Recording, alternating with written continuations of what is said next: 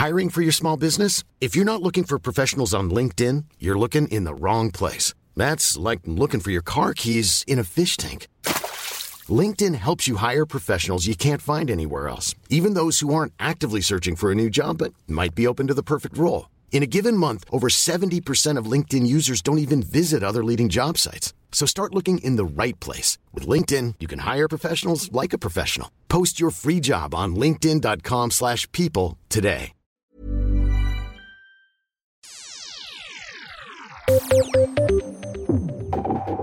Feminisme er ut. Nå er det ytringsfrihet som gjelder.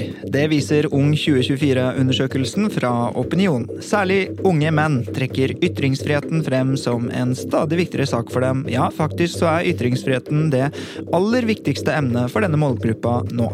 Representant for eh, gruppa, samfunnsdebattant Jack Chen, mener at ytringsrommet har blitt mindre. Men stemmer det?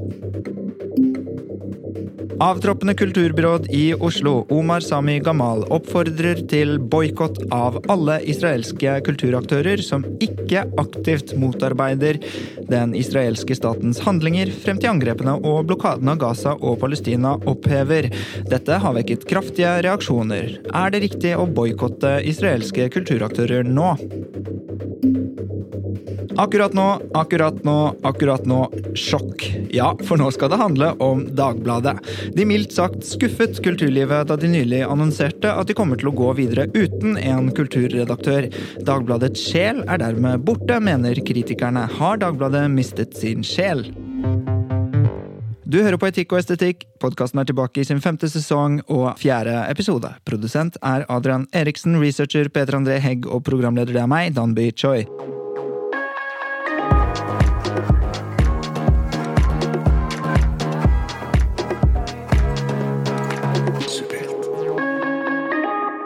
Med meg i studio denne uken har jeg blogger Sunniva Rose. Nei da, selv om Rose ble presentert som blogger under energikonferansen Energy Norway 2023 i Stavanger, er hun altså kjernefysiker og kommunikasjonsdirektør i Norsk Kjernekraft AS.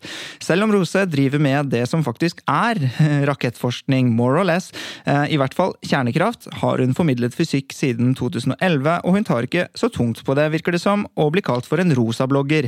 Tvert imot opplever jeg at eh, hun er nokså stolt av det. Eh, hun er både rosa-blogger og intellektuell kjernefysiker kronikker. I tillegg har hun skrevet en rekke kronikker, holdt en rekke TEDX-foredrag og vært gjest hos podkasten Wolfgang V flere ganger.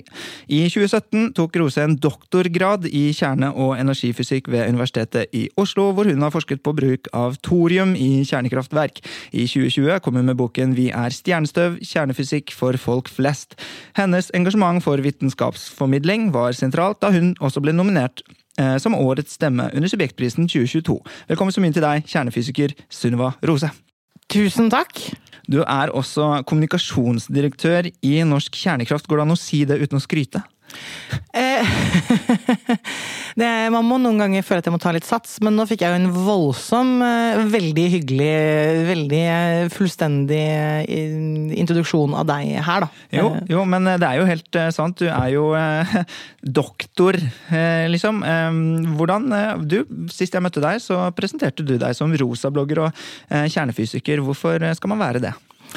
Nei, altså det begynte jo i 2011 med Fukushima-ulykken, da jeg for første gang opplevde at det var At veldig mange var veldig, veldig redde for det som skjedde i Japan ved den ulykken på kraftverket der. Og så begynte jeg å snakke mye med journalister og på en måte prøvde å svare på spørsmål så godt jeg kunne. Og så ble jeg litt frustrert også, for jeg følte at jeg sa de samme tingene om og om og om igjen. Og så til slutt, da, på et sånn nachspiel, så var det en kompis som sa at du burde starte en blogg om på en måte om fysikk og kjernefysikk og sånn. Og så, og så ah, hvis jeg skulle hatt en blogg, da måtte det vært en rosa blogg, og så lo jeg av det. og så vokste opp at herregud, det er det jeg skal gjøre. Jeg skal lage en rosablogg om kjernefysikk og forskning og sånn. Ja, og så er du jo kommunikasjonsdirektør i Norsk Kjernekraft AS, og dere lobber eh, for at vi skal få kjernekraft i Norge. Og det er jo kanskje akkurat den kombinasjonen man skal ha, da. Både rosablogger og kjernefysiker, liksom. Og prøve å få folk til å forstå dette. Jeg tror i hvert fall at det, altså, det jeg ser, da, de årene det startet jo liksom en joke, dette med en rosablogg om kjernefysikk og forskning og sånn, men det jeg så ganske fort, var at det ga en Altså det å kommunisere fysikk og kjernekraft og på en måte vitenskap på en sånn type, kall det lettbeint måte. At det har gitt en helt sånn unik måte å få snakke med folk. Og det gir jo meg veldig mye innsikt i hvor er det egentlig Hva er det folk tenker? Jeg har også fått mye mer respekt, altså gradvis større og større respekt for at eh, herregud,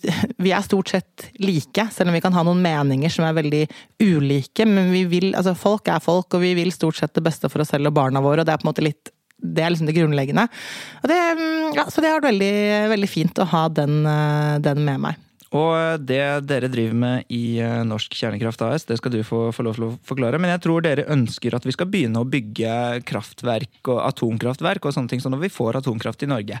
Eh, heispitchen, hvorfor trenger vi det?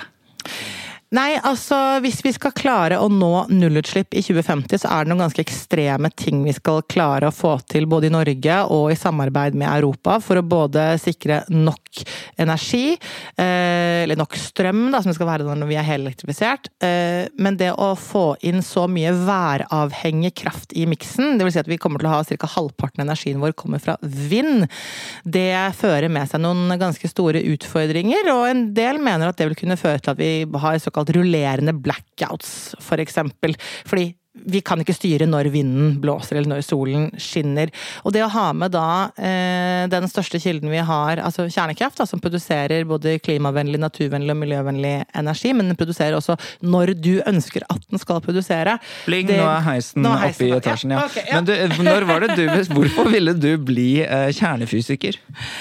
Uh, oi um, Jeg ville ta en uh, ta, Jeg ville studere kjernekraft og kjernefysikk og kjernekraft nettopp fordi jeg tok et fag som heter fysikk og energiressurser, som handler om hvor mange mennesker er vi, hvordan skal vi skaffe nok energi til verdens befolkning. Det er dritvanskelig.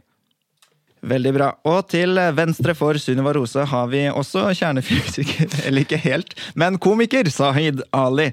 Han er ikke kjernefysiker, men har vært standup-komiker siden 1999 og regnes som, sammen med sin eh, klassekamerat fra Nordstrand skole, Shabana Rehman, som den første norske standup-komikeren med ikke-vestlig bakgrunn. Han debuterte på TV-rollen som Ahmed i TV 2-komiserien Carl Co. i 2000. I tillegg er han kjent fra flere TV-programmer, som annet Rikets Røst på TV 2, Nissene på låven Låven og Jul i Tøyengata på TV Norge, Landsfareren på TV3 og Hellfjord på NRK. Han har også erfaring fra scenekunstfeltet, faktisk, nylig som deltaker i det omstridte stykket Sløserikommisjonen. Og i sommer debuterte Ali som krimforfatter med boken Svaber, en vaskeekte detektiv. Velkommen så mye til deg, Sahid Ali. Uh, takk, takk. Tusen takk. Du, du, lurer på om det går an å si krimforfatter uten å skryte? går det an å, går det an å Nei, si at man Det er vanskelig. Ja, ja nettopp. Um, du uh... jeg, jeg, ikke, jeg, hadde glemt at jeg var med i Carl Co. Uh, jeg er ikke så veldig stolt av akkurat den biten. Jeg trengte pengene. Ja, nettopp. og jeg husker i gamle dager så var jo det veldig Man måtte være veldig selektiv med hva man holdt på med. Uh, og et sånt feilvalg i forhold til TV-programmer og sånt gjorde at du bare du bare forsvant ut av bransjen. Og en av de tingene var å ikke være med i Kaloko eller ja. sånn type sitcom-serie med lattermaskin. Men uh, de ringte, og jeg trengte pengene. Hadde restskatt eh, på døra, ikke noe penger. Og så sa de hvor uh, Så jeg sa nei. Jeg er gæren, jeg har ikke lyst til å være med deg. Så, så ja, men ok, hvor, hvor, mye, hvor mye skal du ha for det? Bare kom med et beløp, så skal vi ordne. Og, er det sant? Ja, og så sa jeg ok, og det største beløpet jeg kom på, var Det høyeste beløpet var 15 000 kroner. det var helt ny i bransjen. Faen. Uh, så fikk jeg høre etter at de hadde jo spenn på nesten 70 000-80 000. Men, ja. jeg kunne sagt det. Ja. Men jeg var kjempefornøyd. Men uh, siden så har du heldigvis blitt en kritikerrost forfatter. Gratulerer. Hva handler den boka om? Svaber heter den. Det er, sier jo ingenting. Sier dere ingenting? Hva er svaber? Det er jo meningen at jeg skal si masse. Uh, svaber, uh, altså, svaber, er jo en mopp, en gulvnal, uh, som man bruker etter at man har dusja, i et felles dusjanlegg f.eks.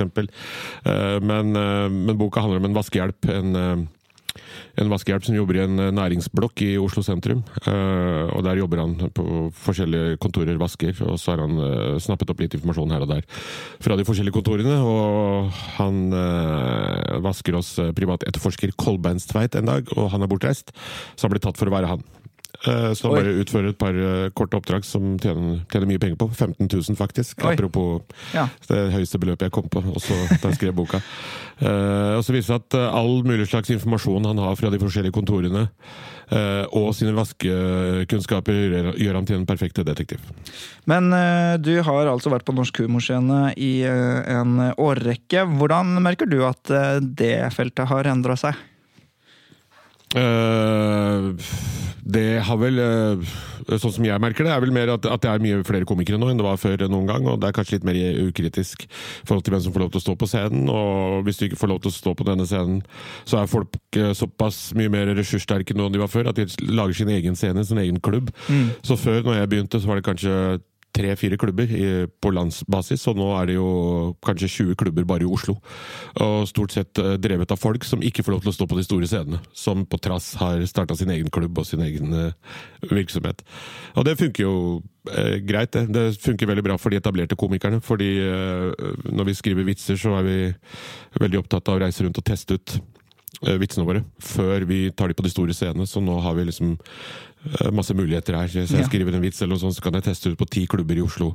Småklubber, før jeg tar det på Spektrum. Eh, er det lov å kødde med ting nå eh, som før, syns du? Jeg syns eh, på en standup-scene eh, tar ikke komikerne så veldig mye hensyn. Verken nå eller før, så lenge vitsen er bra.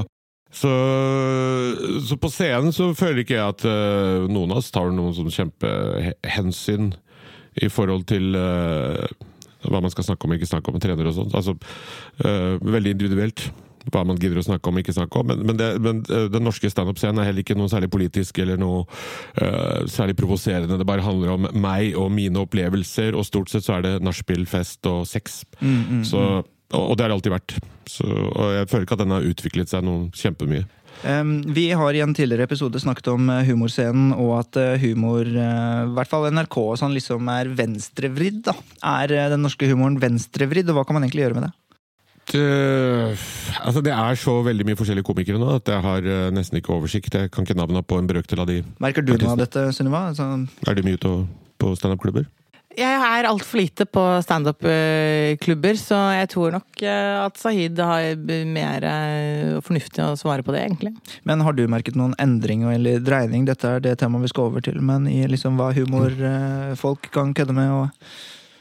Ja, jeg- altså mm, Jeg har vel en følelse av at det er noen ting som altså, Jo, altså det er jo bare sånn Hvis man sitter og ser, eh, som jeg og min generasjon tror jeg gjør ganske ofte, ser på gamle episoder av Friends, eh, så, og man ser sånn analyser av, av de, så er det sånn Dette kunne man aldri gjort i dag. Og det er klart du ser at ja, nei, det er jo mye Det er kanskje en del ting som eh, I hvert fall man kanskje ikke ville sett så morsomt i dag, da. Nei, nettopp. Ja. Og det passer veldig bra som overgang til dagens første tema.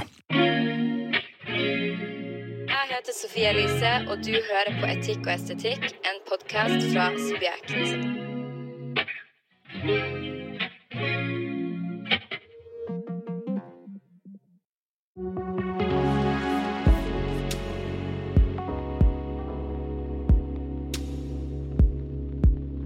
I Ung 2024-undersøkelsen kommer det frem at ytringsfrihet nå er unge menns aller viktigste sak. Eh, De peker på at eh, det er blitt et mindre ytringsrom der ute. Det mener i hvert fall eh, samfunnsdebattant Jack Chen, som sier at unge menn ikke kan kødde med ting som før. Men stemmer det, Sunniva Rose? Jeg har lyst til å si tja på alt, men det vil jeg likevel, siden jeg må si ja eller nei, så vil jeg da si nei. Stemmer det at vi har fått mindre ytringsrom enn før, Sahid Ali? Nei. Ok, da får det bli min tur. Hvorfor er det sånn at eh, likevel så eksempel han eh, Nicolay Ramm hadde et humorprogram på eh, NRK, apropos eh, det vi snakket om nå, så sletter NRK den serien etter kritikk fordi at den liksom er rasistisk. Sahid, vi begynner hos deg. Det var jo akkurat sånn dere holdt på før hele tida, med å kødde med stereotypier og sånn. Mm. Var det dumt at jeg sa nei på spørsmålet? Eh, på TV kanskje, ja. eh, helt klart. Eh, Så den forandringen som jeg snakka om, at det har vært uforandra, er standup-scenen. På en scene så har man liksom en, eller annen slags eh, uskreven regel, en avtale med publikum om at alt er lov, og det kommer til å være mye improvisasjon. Og når dere har betalt så mye penger for den billetten her, så er det en del av avtalen. Og det blir mobbing, og det blir drittslenging, og dere kan rope ting tilbake igjen og alt det der. På TV er noe helt annet. På TV har det vært en vanvittig utvikling, og det er du du må være veldig forsiktig og ha eh, Det er mye flere sensitivitetslesere på TV nå enn det har vært eh, noen gang. Og det er, eh, alle er involvert i eh, en TV-produksjon på en helt annen, eh, mye større grad enn det var før. Fordi det kan gå utover alle ledd som er involvert, på en måte. Men du Akkurat som et kanskje- bokforlag som gir ut eh, en mm. bok som ingen liker, så er, liksom, så er alle involvert. Men eh, du tenker kanskje på noe annet når jeg spør om ytringsrommet er blitt mindre. Hva tenker du på da? Ja, fordi jeg er også enig i eh, at eh, Nå kjenner jeg ikke akkurat til innholdet i den serien til Nicolay Ramm, men vi får stadig sånne type historier. Så kan man si når er det vi mener at før var? Når er det før som var dette, denne tiden vi lengter tilbake til? For hvis du går en stykke før, så er det mange ting man ikke kunne si, som man kan si i dag. Men ja, det er nok en del ting der som NRK kan slette og sånn. Men sånn som jeg forsto spørsmålet, så handlet det mer om eh, unge menn som nå har ytringsfrihet som sin fanesak. Og er hva det det er det, hva er det til. unge menn egentlig ikke kan, eh, kan si? Du vil kanskje da si noe mer før, eh, før vi begynner å Altså, For tredje året på rad så er mental helse den viktigste hjertesaken for unge av begge kjønn. Ytringsfrihet den øker, og i 2021 var det den femte viktigste saken. I 2022 var det den fjerde viktigste saken, og i 2023, altså nylig og nå, så ble det den tredje viktigste saken. Men da snakker man om både gutter og jenter. Blant menn så er det blitt den aller, aller viktigste saken. Og hvordan har det skjedd at vi kommer oss dit? Jeg tror det har noe å gjøre med kansellering, og liksom at vi, vi ser at liksom, å, han får ikke kødde lenger, hun får ikke si det. Eh, så blir liksom ytringsfrihet en viktig fanesak. Da. Hvorfor har vi kommet dit? Ja, hvorfor har vi kommet eh, dit? Det er klart at, altså jeg må jo si at jeg kjenner meg noe igjen i at det er at man legger bånd på seg i forhold til hva er det man At det er enkelte ting man kanskje vil være forsiktig med å si. Samtidig, det er en slags sånn er ikke det en del også av det sosiale spillet i et samfunn, mennesker seg imellom? Nettopp at vi er jo sosiale vesener som ser at oi, nå sier jeg noe som jeg får en eller annen sosial reaksjon på, det kan jeg faktisk ikke gjøre. Er det begrensning av ytringsfriheten? Nei, det er det ikke. Det å få sosiale sanksjoner på ting man gjør, det er det jo Det er liksom Sånn, sånn er det.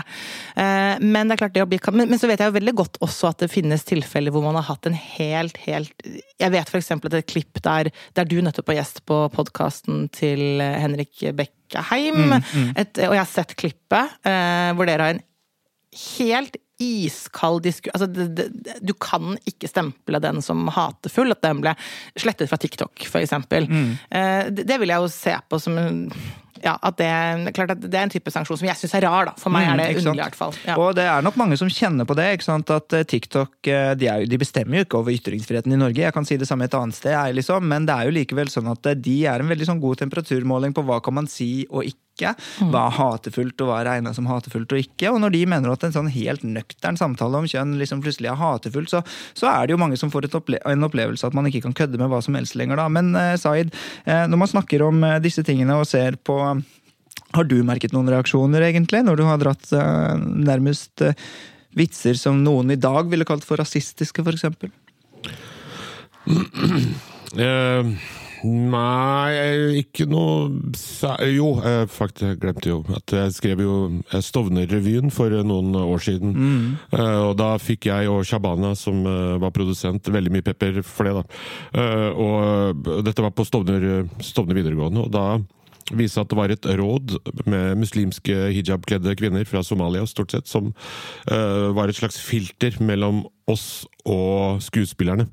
Eh, det var ikke jeg klar over, for jeg var bare innom og hadde regi, og så dro jeg hjem. Men eh, en dag jeg kom litt for tidlig, så fortalte Shaban at nå er de rådet på vei inn, og da var det eh, åtte-ni jenter som var elever på skolen, de tok manuset, og så satt de med rød penn og strøyk over det de syntes var upassende. Og jeg prøvde å diskutere med dem og prøve å forstå liksom hva, hva er det, hva, hvorfor liker dere ikke det. Og det var ikke noe, det var ikke noe diskusjon. Det var Sånn skulle det være. Og hvis jeg ikke fulgte øh, fulgte det nye manuset, så skulle politiet anmelde meg. Ja, Og det gjorde de. jeg. Og Og rektor også ble politianmeldt. jeg tror de fleste forstår at vi ikke skal ha et sånn eh, humorråd eh, med ni hijabkledte kvinner som sier at dette skal vi ikke kødde med, og uansett om det hadde vært hvite menn for øvrig også, selvfølgelig. Så det er jo liksom ikke sånn humor skal måles eller vurderes. Så de skal jo sprenge grenser, ikke sant. Men eh, engasjementet for LHBT, for Black Lives Matter, for alle disse temaene og feminisme har vært liksom på agendaen de 50-60 siste årene. Eh, og så har eh, kanskje mange, særlig unge menn kommer det frem, da, merket at det er blitt for mye fokus på det. Så mye at ytringsfriheten liksom ikke blir viktig lenger. Det er ikke så, Å kødde med det blir nærmest homofobt og rasistisk og alt mulig sånn. Og det er jo det som har skjedd, det er jo det vi ser. Eh, en slags eh, motbølge da, eh, som sier at ja, men dette har vi glemt det på en eller annen måte. Men på den andre siden så er det også synd, for det er jo ikke, er jo ikke, er jo ikke om å gjøre her, selv om det er, er et nullsumspill her. da, Det er en førsteplass og en andreplass og en tredjeplass, og sånn, så er det ikke om å gjøre om man skal glemme feminisme pga. ytringsfrihet heller. Så man vil jo prøve å ha begge på førsteplass. Eh, Men feminisme og eh, alle andre ting, miljøvern og klima, bekjempe fattigdom i verden, det har blitt skikkelig uviktig. Det gikk fra tredje til fjerde til femte, nedover. Altså Ting blir mindre og mindre viktig. Har man skutt seg selv i foten ved å fokusere så mye på det? Altså, jeg tror kanskje at dette også altså, Nå husker jeg ikke sitatet direkte, men FPU-leder eh, Simen Velle hadde vel et uh, sitat eh, Han ble intervjuet i Harvest etter at uh, de gjorde et veldig Eller hele høyresiden, og spesielt uh, FRP, FPU, gjorde det veldig, veldig godt. Hvor han sa vel at dette, I forhold til dette med utsagn om generasjon Thunberg er død, og om det har det vært med generasjon Thunberg noen gang, også. han sa at uh, unge i dag, kanskje spesielt da unge menn, da, han er jo en veldig representant for, for, denne gruppen som vi snakker om her nå. Vi vil vite liksom hvilke løsninger har vi, når skal de komme, hva vil de koste? Um, og jeg også Det på en måte, det er ikke noe feil med det heller, og det er kanskje noe vi har merket mer fordi vi, vi opplever nå at uh, nå er det, det er krig i Europa, det er det plutselig flere. En, Ukraina og Russland, og så har du jo også Nå står vi midt i Israel og Palestina. Og liksom, men spesielt da Ukraina og Russland har jo påvirket veldig veldig mye ting. Vi har fått nå da en energikrise og en strømpriskrise eh, som jeg jobber veldig mye med. Og det påvirker jo plutselig alt. Folk får dårligere kjøpekraft. og da Kanskje man på en måte skal si det litt, sette det på spissen at man har ikke man kan ikke ta seg råd til sånne ting som da måte, altså, Feminisme er jo det heldigvis fremdeles en viktig sak, eller rettigheter mm, mm. til LHBTQ eh, Si resten, hvis ikke kansellerer jeg deg. Eh, pluss ja. Alle de tingene der. fordi du, det, det, er liksom, det er et privilegium også å kunne på en måte du må på en måte ha alt dekket til en viss grad, før du liksom virkelig kan si at ja, det viktigste for meg, det er det er klima, så kan du gå til på en måte en eller annen fattig kullarbeider i, i Kina eller noe og si at du skal være mer opptatt av feminisme, så har de kanskje et annet ja. det, er det er to veldig ytterpunkter, men kanskje det er noe der man kjenner på, da. Ja, eh, Det vi ser her eh, gjør et eh, kraftig røkk oppover, er faktisk den største klassereisen har skattesaken gjort. Betale mindre skatt. Den har økt fra å være nummer i 2022 og nummer fire i 2023. Det er et ganske sånn kult eh, kart jeg har foran meg nå, om hvordan liksom sakene har flytta på seg. Og kidsa som vi snakker om nå, 15 til 25, de har jo så vidt betalt skatt før.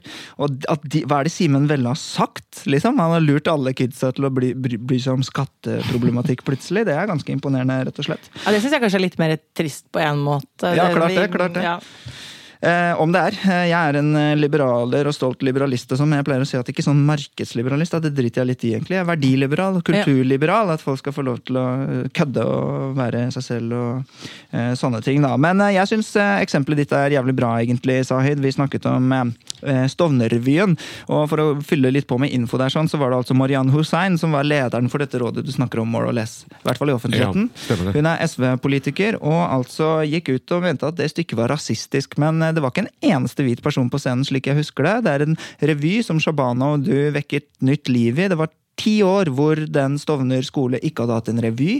Mm. Så var det plutselig kultur på den scenen igjen. Dere hadde fått dem til å kødde med seg selv. Mm. Og det var nå racist. Fortell litt om hvordan det var å stå i de greiene der. Uh, I utgangspunktet så Vi begynte jo med å, å, høre med alle elevene om hva de hadde lyst til å, å gjøre på scenen. Uh, og om de hadde noen ideer og et eller annet som hadde med Stovner eller oppvekst eller noe. Eh, og så endte det opp med at eh, absolutt alle alle ville rappe, og det var sånn veldig amerikanisert eh, LA-fiksert hiphop, gangsterrapp, og, eh, og alt skulle gjøres på engelsk, så da følte vi at vi hadde lyst til å peile dem litt mer i den der revysjangeren, den norske revysjangeren, som egentlig bare handler om å ha litt sånn uh, samfunnsrefsende, litt slaivspark her og der, og prøve å ha en eller annen uh, betydning med, med sketsjene. Så jeg foreslo å, å snakke om ting som de faktisk var opptatt av på skolen, i, i tillegg til det hiphop-greiene, men problemer de hadde og sånt. Og da var det mange som reagerte og sa at det ble veldig dumt å framstille Stovner videregående på en negativ måte, for da får vi dårlig reklame. Så vi må jo eh, i gåsehudene ljuge og, og, skryte av oss eh, for å bli mer attraktive. Eh, så ble det en eller annen mellomting der, da, men, eh, men, veldig mye av sketsjene handla jo om narkotikaproblematikk på skolen og eh, seksualundervisning som ingen stilte opp på, som bare læreren som satt på kateter og venta. Eller seksualundervisning med foreldrene til stede, og, og mye sånne Oi, type ting som vi syntes var veldig morsomt å snakke om. Og så var det jo utrolig mange talentfulle folk der. Det var en fyr fra, jeg tror han var fra Somalia som uh, hadde lyst til å gjøre standup, men han visste ikke hva han skulle snakke om. Uh, og etter ti minutter med prat så kom det fram at han uh, blir jo sendt til koranskole i et eller annet sted i Afrika hvert eneste år. Pugging, og han ble piska med forskjellige typer mobilladere i forhold til hvor dårlig han hadde gjort leksene sine. på en måte. Så det var en iPhone-lader, og så var det en eller annen USB-kabel og sånne ting. Liksom, nå kom jeg med USB-en, eh, som selvfølgelig er ganske trist, men også veldig morsomt å snakke om. Så vi fikk liksom han til å gjøre sånne ting som var litt sånn sårbart og litt vanskelig å snakke om. Eh, men den kritikken var, den kom som et sjokk på meg, da, men Shabana er såpass rutinert i forhold til å få sånne kritikk, så hun tok det tok det ganske pent, men jeg følte at jeg hadde ikke så mye å bidra uh, i ja, forhold til å forsvare ting. Skammet du deg? Følte du at du hadde gjort noe galt? Nei da, nei, jeg, bare, jeg ble bare veldig provosert. Jeg klarte ja, ja, liksom ikke å Jeg tenkte at jeg trenger ikke å Jeg ønsker ikke å være med i den debatten. Nei, nei, jeg ser den. Og jeg sleit nok med å regissere de elevene, for jeg er liksom vant til å jobbe profesjonelle folk, og de kom når de hadde lyst, og det lukta grønt uh, hele tiden. og det var liksom det, det, det, var mer som en sånn barnevakt, barnepass. fordi du, du nevnte sosiale sanksjoner i stad. Og da har jeg lyst til å nevne sånn der, ja, men kødde, å kødde med sånne tabubelagte temaer skal jo ikke møte sånne sosiale sanksjoner, syns jeg. Nei, også, og det jeg ville si da, som jeg tenkte på nå, var fordi det som åpenbart er et problem med, med forskjellige typer sosiale sanksjoner, enten om det er da skrekken, om det er unge menn i særdeleshet. Jeg, vet, jeg tror det gjelder kvinner også, mm, men kanskje mm. større andel unge menn som frykter så mye sosiale sanksjoner. Man har ikke lyst til å ha altså, Som jeg sa, jeg mener at folk flest er egentlig ålreite og på en måte mener vel og har lyst til å på en måte gjøre ting på en god måte med de ressursene man har på en måte fått utdelt. Da. Eh, så klart, Man har ikke lyst til å ha på seg stempelet at du er rasist, eller at du er transfob, eller at du er på en måte et eller annet, en eller annen stygg merkelapp. Det har du ikke mm. lyst på.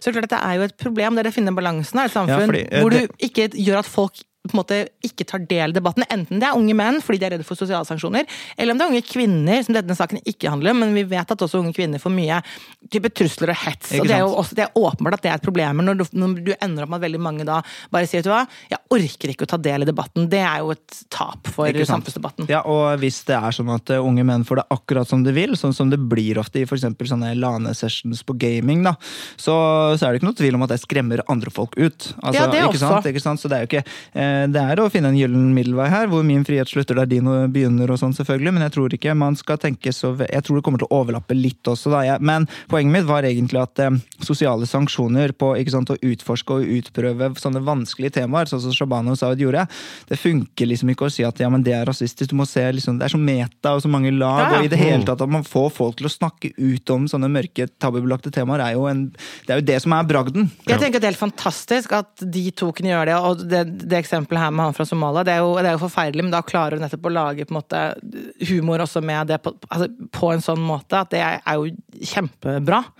Eh, det er jo utrolig trist da, at det blir da at ja, da er dere rasister, og så blir dere politianmeldt. Ja, altså, det, jo... det, var første gang vi hørte at vi var rasister. Det hadde vi aldri hørt før. så jeg har snakka mye om det. og og, og, og, jeg har jo pakistansk bakgrunn, hvordan jeg er rasist og sånt, og da begynte vi å snakke om brunfarge og nyanser. Ja, ja, ja. Nei, du, er, ja. du er ikke brun nok. Nei, du er ikke brun nok.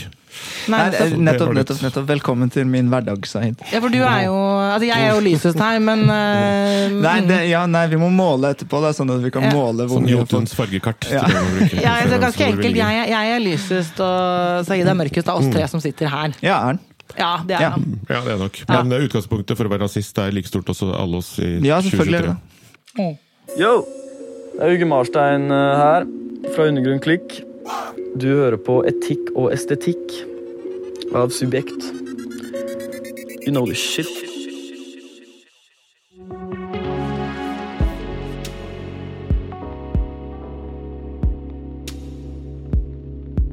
Avtroppende kulturbyråd i Oslo, Omar Sami Gamal, oppfordrer til boikott av alle israelske kulturaktører som ikke aktivt motarbeider den israelske statens handlinger frem til angrepene og blokaden av Gaza og Palestina opphever. Dette har vekket kraftige reaksjoner. Er det riktig å boikotte israelske kulturaktører nå, Zaid? Uh, og Ja-nei-spørsmål? Ja.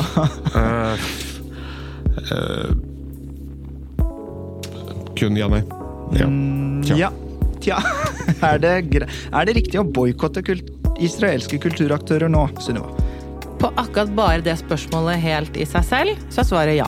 Ok, så uh, da starter vi hos deg, Sunniva. Um, er det fair? Hva med folk som ikke har noe med dette å gjøre?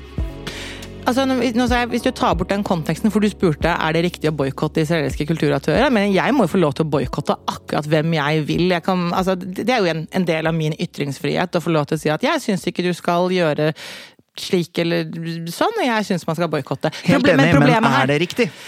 Det er alltid riktig. Altså, det er jo en del av ytringsfriheten å, å bruke boikott. Men, men spørsmålet, hvis, hvis spørsmålet egentlig handler om om det er riktig av, eh, av kulturbyråen å gå ut og gjøre oh, ja, det, ja. da er svaret nei. Ok, Ja. Hvorfor eh, skiller du sånn mellom de to?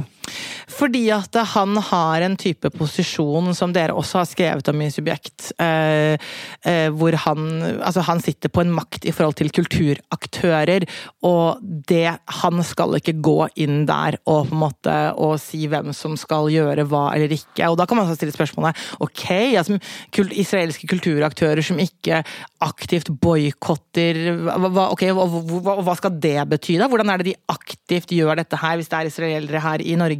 Så, så, så spørsmålet om, om det er ok av ham? Nei, helt uaktuelt. Men jeg, som på en måte som privatperson Må selvfølgelig selvfølgelig kunne gjøre det. Jeg må kunne gjøre det. Men uh, hva tenker du om uh, saken, Zaid? Jeg er jo for så vidt helt enig i, i, i henne med at det er jo en uh, individuelt hva du har lyst til å gjøre sjøl, og det er en del av din ytringsfrihet, som hun sa. Men uh, nei, jeg, jeg vet ikke. Altså, jeg vet heller ikke hvor mye en ting er om det er lov eller ikke, eller burde gjøres, men hvor, hvor mye påvirker det? Har det noe? Hva slags påvirkning har det? Det er klart, hvis du, lager, altså hvis du setter i gang en bølge, at flere andre land også gjør det, så kanskje, men jeg vet ikke hvor mye Kulturdepartementet og det politiske eh, Hvor mye de samarbeider og påvirker det ene eller det andre. Mitt inntrykk er at eh, det ikke har så veldig mye å si. Det han eh, Gamal nå oppfordrer til, er jo at eh, liksom hver eneste enkeltperson, men også kulturlivet helt spesifikt, da skal eh, boikotte israelske kulturaktører. Og hvis jeg skal støtte han litt og hjelpe han litt med det, så er det jo litt sånn um, Israel sin kulturpolitikk handler jo veldig mye om å vise sin godhet gjennom Sjekk ut dansekompaniet vårt, og det skal vi sende rundt i Europa for å samarbeide med dere. Det blir liksom ikke det samme. Uh, det, det må vi vel klare å være smarte nok til å skille mellom en norskfødt israeler som jobber i eh, nasjonal, Nasjonalmuseet. Vedkommende kan jo ikke bli boikotta av sine kollegaer, vel. Men, Nei. nei, mens israelske um, sirkusteatre eller teatre på turné kan virke litt mer utsendt av den israelske stat som propaganda. Og, men likevel, de har jo bare valgt en karriere på en måte hvor, hvor altså, hva, Her er det mange lag. Mange lag.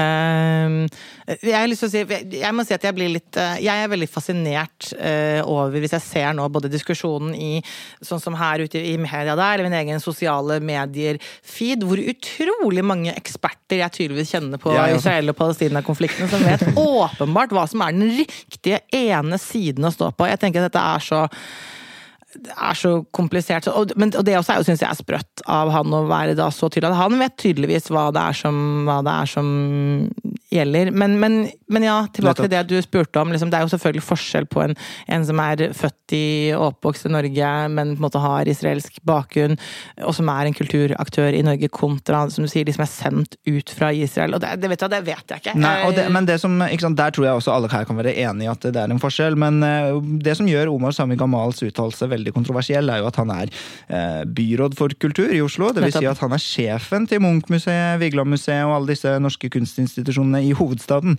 som trenger hans penger. De trenger hans velsignelse. Og når han da sier alle sammen, jeg syns dere skal boikotte Israel nå, så er det ikke som om kompiser sier det til hverandre. Nei, nettopp, og det skal ikke en sånn type aktør, mener jeg, gå ut og styre kulturen på den måten. Og så kan vi godt, eller så jeg har forstått oss helt enig i det som Saeed sier, men hvor mye har det å si? Kanskje det ikke har noen ting å si, eller ekstremt lite å si, men allikevel så er det prinsipielt så mener jeg det er helt, helt galt av han i hans posisjon å gjøre det. Eh, Det, ja, det er ugreit. Men eh, de to hensynene som blir veldig vanskelige her, er det ene er at liksom sånn, ja, kulturen skal samle, og det er liksom, hvorfor skal ikke israelske og palestinske kulturarbeidere få danse på samme scene om kulturinstitusjoner legger opp til det, på en måte. Det er bare vakkert mens det pågår en krig. Det andre er at det pågår en krig, ikke sant, og det er så alvorlig det de driver med på begge sider. Hvis vi ser på eksempel eh, fotball-VM og OL og disse tingene som har blitt arrangert både i eh, eh, Saudi-Arabia og i Kina og i Russland og mm, så videre. Eh, hvordan skal vi forholde oss til boikott generelt? da? Hva syns vi om det som middel? Eh, Nå er ikke jeg noe sportsinteressert, eh, eller ting, men når det gjelder boikotting av å ha store sportsarrangementer i Saudi-Arabia, det er jeg ikke for. Jeg, jeg er ikke for et land som eh, stadig bryter eh, menneskerettigheter og dukker opp eh, veldig mye mørketall på eh, aktiviteter som skjer der nede, med hvordan de behandler arbeiderne sine, og at de selv ser på seg selv som sånne suverene mennesker og alt det. Eh, Og så skal de prøve å renvaske seg selv ved å ha sånne store internasjonale arrangementer og ting. Så jeg, det er jeg imot, men eh, Ja, hva var det du var imot, da? Du, du er for å gjerne boikotte sånne arrangementer? Uh, ja. I hvert fall når det gjelder akkurat Saudi-Arabia. ja. Ja. Nei, jeg synes det er eh, Nå er jeg heller ikke noen sånn sports, eh, sportsperson, eh, men, men dette går jo også litt inn i måte, det å gjøre handel med hvilke stater skal man gjøre handel med, eller altså, hva skal ha samarbeid med. Og det vet jeg at man kan jo Jeg tenker det lette er å si nei, det høres forferdelig ut, for det er et forferdelig land, om det er, om det er Saudi-Arabia eller hvilket land det er. Så dette, dette har vi ikke lyst til, og vi, vi skal ikke hjelpe dem. det er spørsmålet men er det hjelp, eller er det også noe som er mye mer at man får ved det å på en måte knytte stater nærmere til seg selv, så Ja, fordi- får man en mulighet til nettopp å være med å påvirke og sette krav, for eksempel. Så hvis, hvis totalen er at man ender opp et bedre sted, så tenker jeg jo det er bra. Men, eh, men jeg er helt klart at det er mye rundt som eksempel det å Hvis et land som Saudi-Arabia eller skal på en måte kunne få ha et sånn eh, arrangement hvor de bare sier wow, se på oss så fine Ja, og det er jo det det blir. Ikke sant? Ja. Det syns jeg også er problematisk.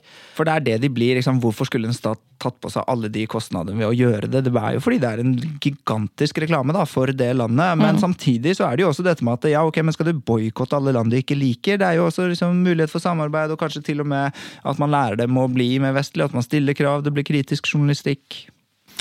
Uh, jeg er helt enig, men akkurat når det gjelder Saudi-Arabia, så tror jeg at uh, dette er en ganske uh, vel taktisk plan i forhold til at eh, er du med oss, så samtykker du og rettferdiggjør veldig mye av de tingene de gjør. Eh, at man nesten kjøper seg venner, på en måte.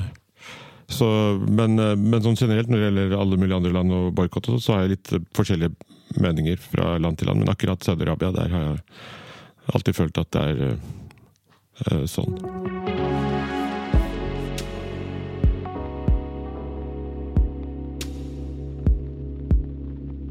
Redaktør i den kristne avisen Dagen, Vebjørn Selbekk, skriver på egen Facebook-vegg etter det verste terrorangrepet mot Israel noensinne tar SV-byråd Omar Sami Kamal til orde for boikott av israelske kulturaktører. Eier denne mannen ingen skam i livet? Nå må byrådsleder Raymond Johansen vise anstendighet og slå ned på slik ekstremisme i sin egen byregjering. Tar han litt i her? Jeg syns han tar litt i, og jeg syns også at de som går, som jeg også ser i kommentarfelten, blir veldig fort av Oi, se her, vi hater jøder. At det er det For meg så er det også en litt sånn at med en gang man er negativ til Israel, så er det det samme som at da, da syns du egentlig at eh, da er du antisemittist og antisemitt, og, og du syns egentlig at eh, holocaust var en bra ting. Altså, man, man drar det liksom veldig, veldig langt, da. Men ja, jeg syns han tar litt jæv. Zaid, hvis det kommer en sponset eh, komiker fra Israel, og vi samarbeider med deg, Og han er veldig morsom. og han er dritmorsom Hmm. Uh, jeg tror ikke vi ville hatt noe problem med å samarbeide med han. Saudi, da? Oi Eh, jeg vet ikke. En ting er det jeg sier, og en annen ting er det jeg gjør. Og, og hva jeg tenker. Jeg tror det er tre forskjellige ting. Eh, mens jeg sa det sammen med Saudi-Arabia også, så husker jeg at jeg kjøpte jo to pay-per-view-billetter til arrangementet der nede. Så, så alt spriker med meg når det gjelder sånne ting. Og det er jo litt sånn med oss mennesker. Vi, er, altså, vi sier at vi skal være grønne, og så gjør vi det dobbelt så ille dagen etterpå. Så Ja, det er, det er nettopp det, for det er noe med det som det er lett å, lett å si ting. Og så vi, vi har den diskusjonen her, så fikk jeg bare lyst til å fortelle om en kultur, kulturopplevelse jeg hadde i fjor før jul. Men det er, det er på den gode siden, da, Ja, i anførselstegn.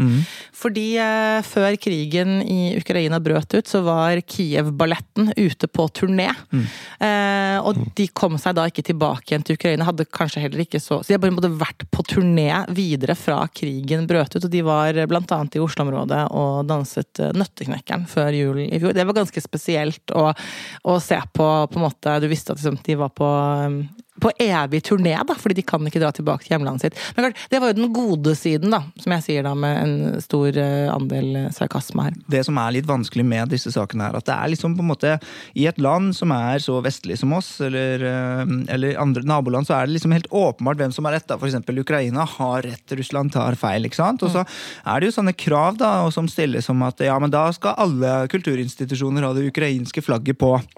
Og da er det litt sånn, ja, eh, må man det? Eh, Og så er det liksom journalister som mener at nei, nå skal vi ikke snakke med prorussiske journalistiske kilder. og sånn, ja, Er det så sikkert bare fordi man støtter en side i krigen, liksom?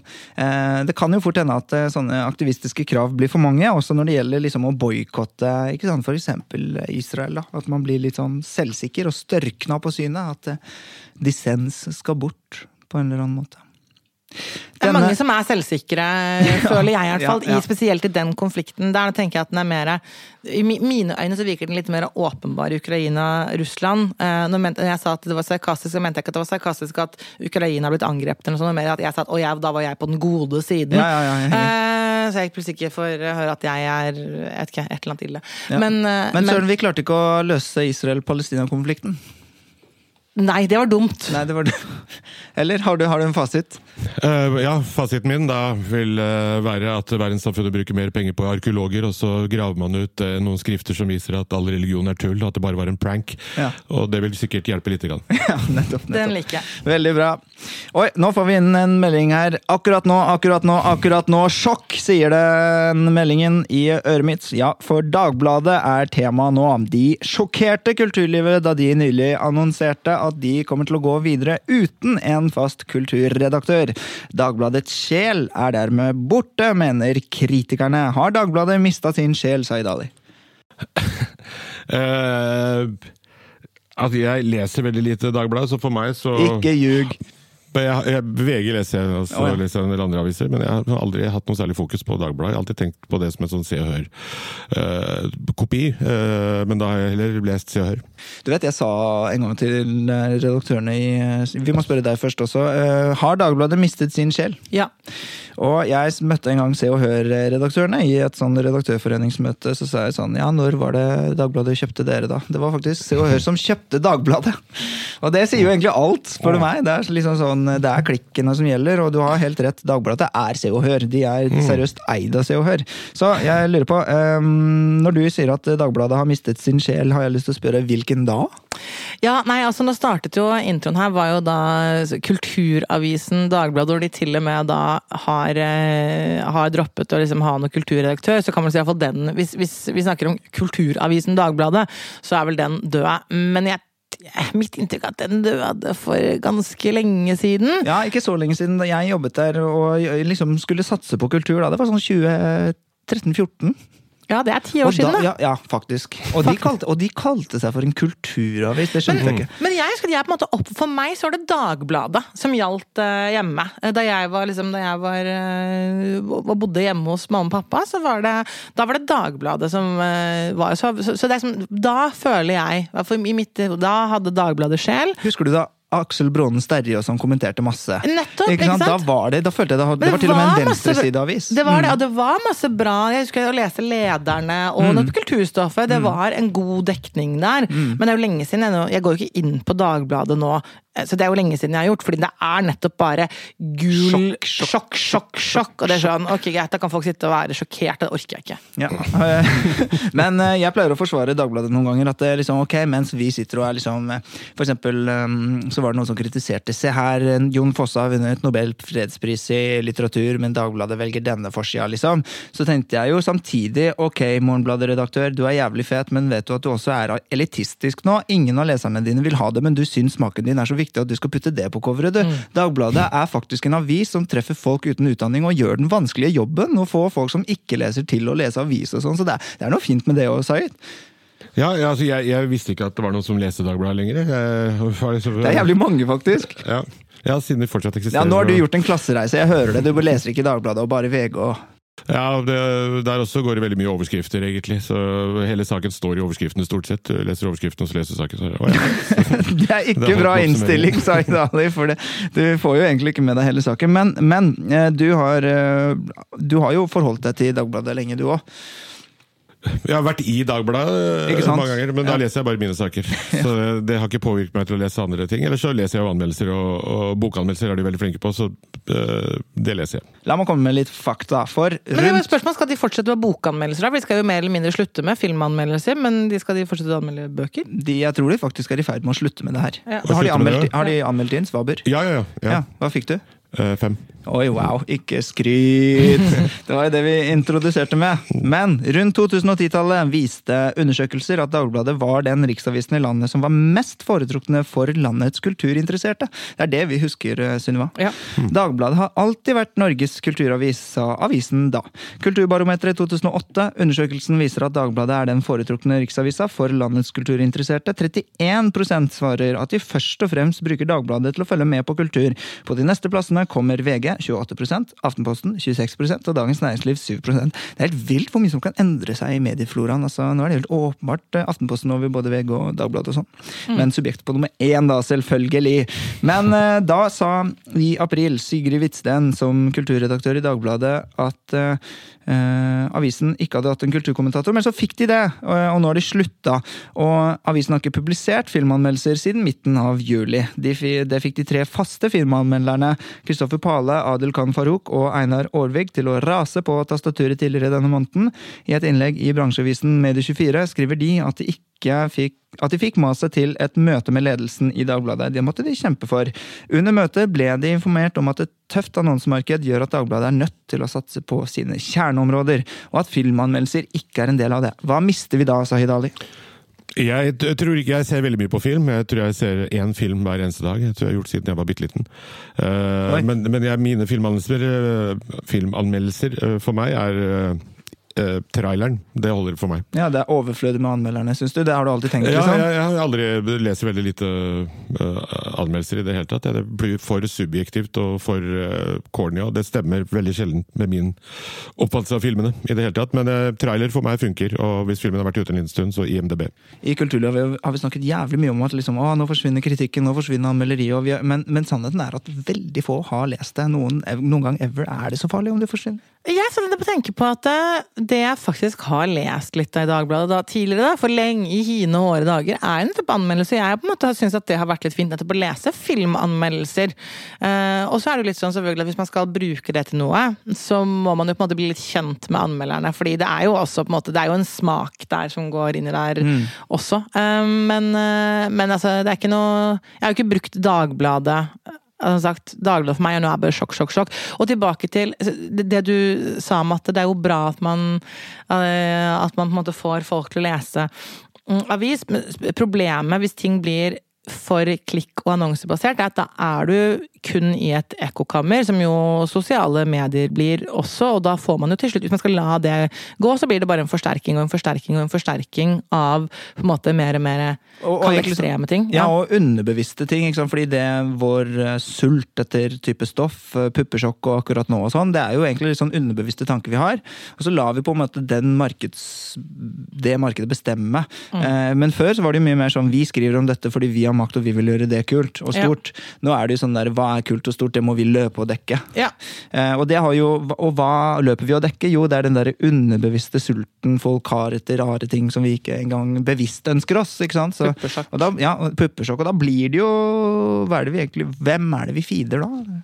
Det er vanskelig å si. Men, men eh, tror dere det har noe å si da, for eh, utviklingen av smaken vår? At, eh, liksom for, for diskusjonen om humor, eh, kunst? At vi har anmeldere som prøver å starte sånne debates? Ja, tja Altså klart at uh, Man har jo også sagt om at anmeldere kan jo da ha for mye makt, på en måte. Mm. Kan, altså man kan jo hvis vi skal snu rundt på det og si at en anmelder blir jo en sånn portvokter. At det, kanskje det kan være problematisk. Det kan både på en måte være drepen for en som er ny, en ny standup-komiker, en ny eh, forfatter, en ny hva nå enn. Men det kan selvfølgelig også være det motsatte. da, Dra det opp. Nei, jeg vet ikke. Det er, Men, eh, altså, på et tidspunkt så begynte man å si at eh, folk bryr seg mer om liksom, kvantitative stjernerangeringer på Hjelp og Google, 4,5 Mm. og 4,4 og sånn, og IMDb og Rotten Tomatoes og sånne ting. men det er også Det funker ikke nødvendigvis alltid, det heller. Nei. Og, og hva tenker du, går det an å rangere kunst sånn? Liksom sånn, Den er 4 og den er, er 4,2, derfor er den bedre? Er, er ikke subjektiv? Jeg vet ikke. Uh, nei, nei, altså det, Stoler du på det? Sikkert, jeg stoler sikkert ikke 100% på det, men eh, på anmeldelser stoler jeg veldig sjelden på. Uh, men det er klart at hvis det er noen som har fått terningkast én eller to, så så påvirker det meg på en eller annen måte, og jeg tar ofte en avgjørelse da og, og ikke gidde å se den filmen eller se det showet, uh, uten å gidde å lese mer av anmeldelsen. Men, eh, men, men jeg liker å lese kommentarer, altså eh, sånne Rotten Tomatoes, eller bare lese kommentarene til folk, eh, og se hva de syns. Ja. For det er jo egentlig jævlig fantastisk, egentlig, at mange nå kan bestemme, og det er liksom folket mot eliten, anmelderen, liksom, som alltid hadde all makt. Nå skal vi være 1000 stemmer bak fire stjerner, og liksom Det er noe fint med det òg, at vi styrer det sammen.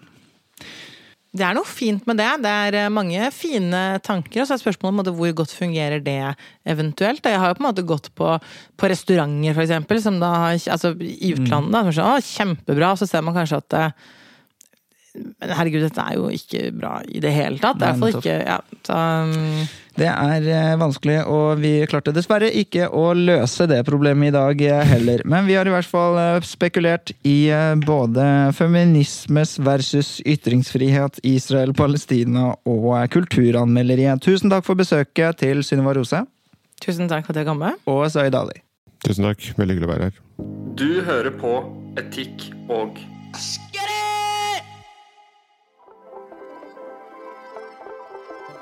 Tusen takk til eh, gjestene som eh, nok en gang eh, bidrar med kunnskap og klokskap til subjekt og etikk og estetikk. Vi håper at du kan følge oss der hvor det er relevant. På Facebook så har vi også en egen Facebook-gruppe som heter Etikk og estetikk. Der diskuterer vi samtaleemner som er eh, relevant for podkasten, rett og slett. Eh, Og for eh, subjekt, eh, selvfølgelig.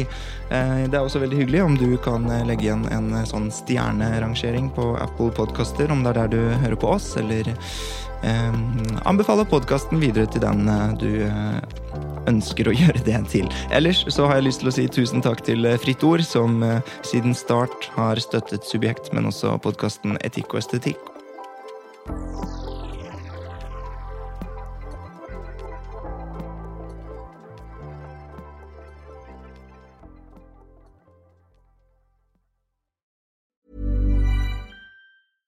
Imagine the softest sheets you've ever felt. Now imagine them getting even softer over time. That's what you'll feel with Bowl and Branch's organic cotton sheets. In a recent customer survey, 96% replied that Bowl and Branch sheets get softer with every wash. Start getting your best night's sleep in these sheets that get softer and softer for years to come. Try their sheets with a 30-night guarantee. Plus, get 15% off your first order at bowlandbranch.com. Code BUTTERY. Exclusions apply. See site for details.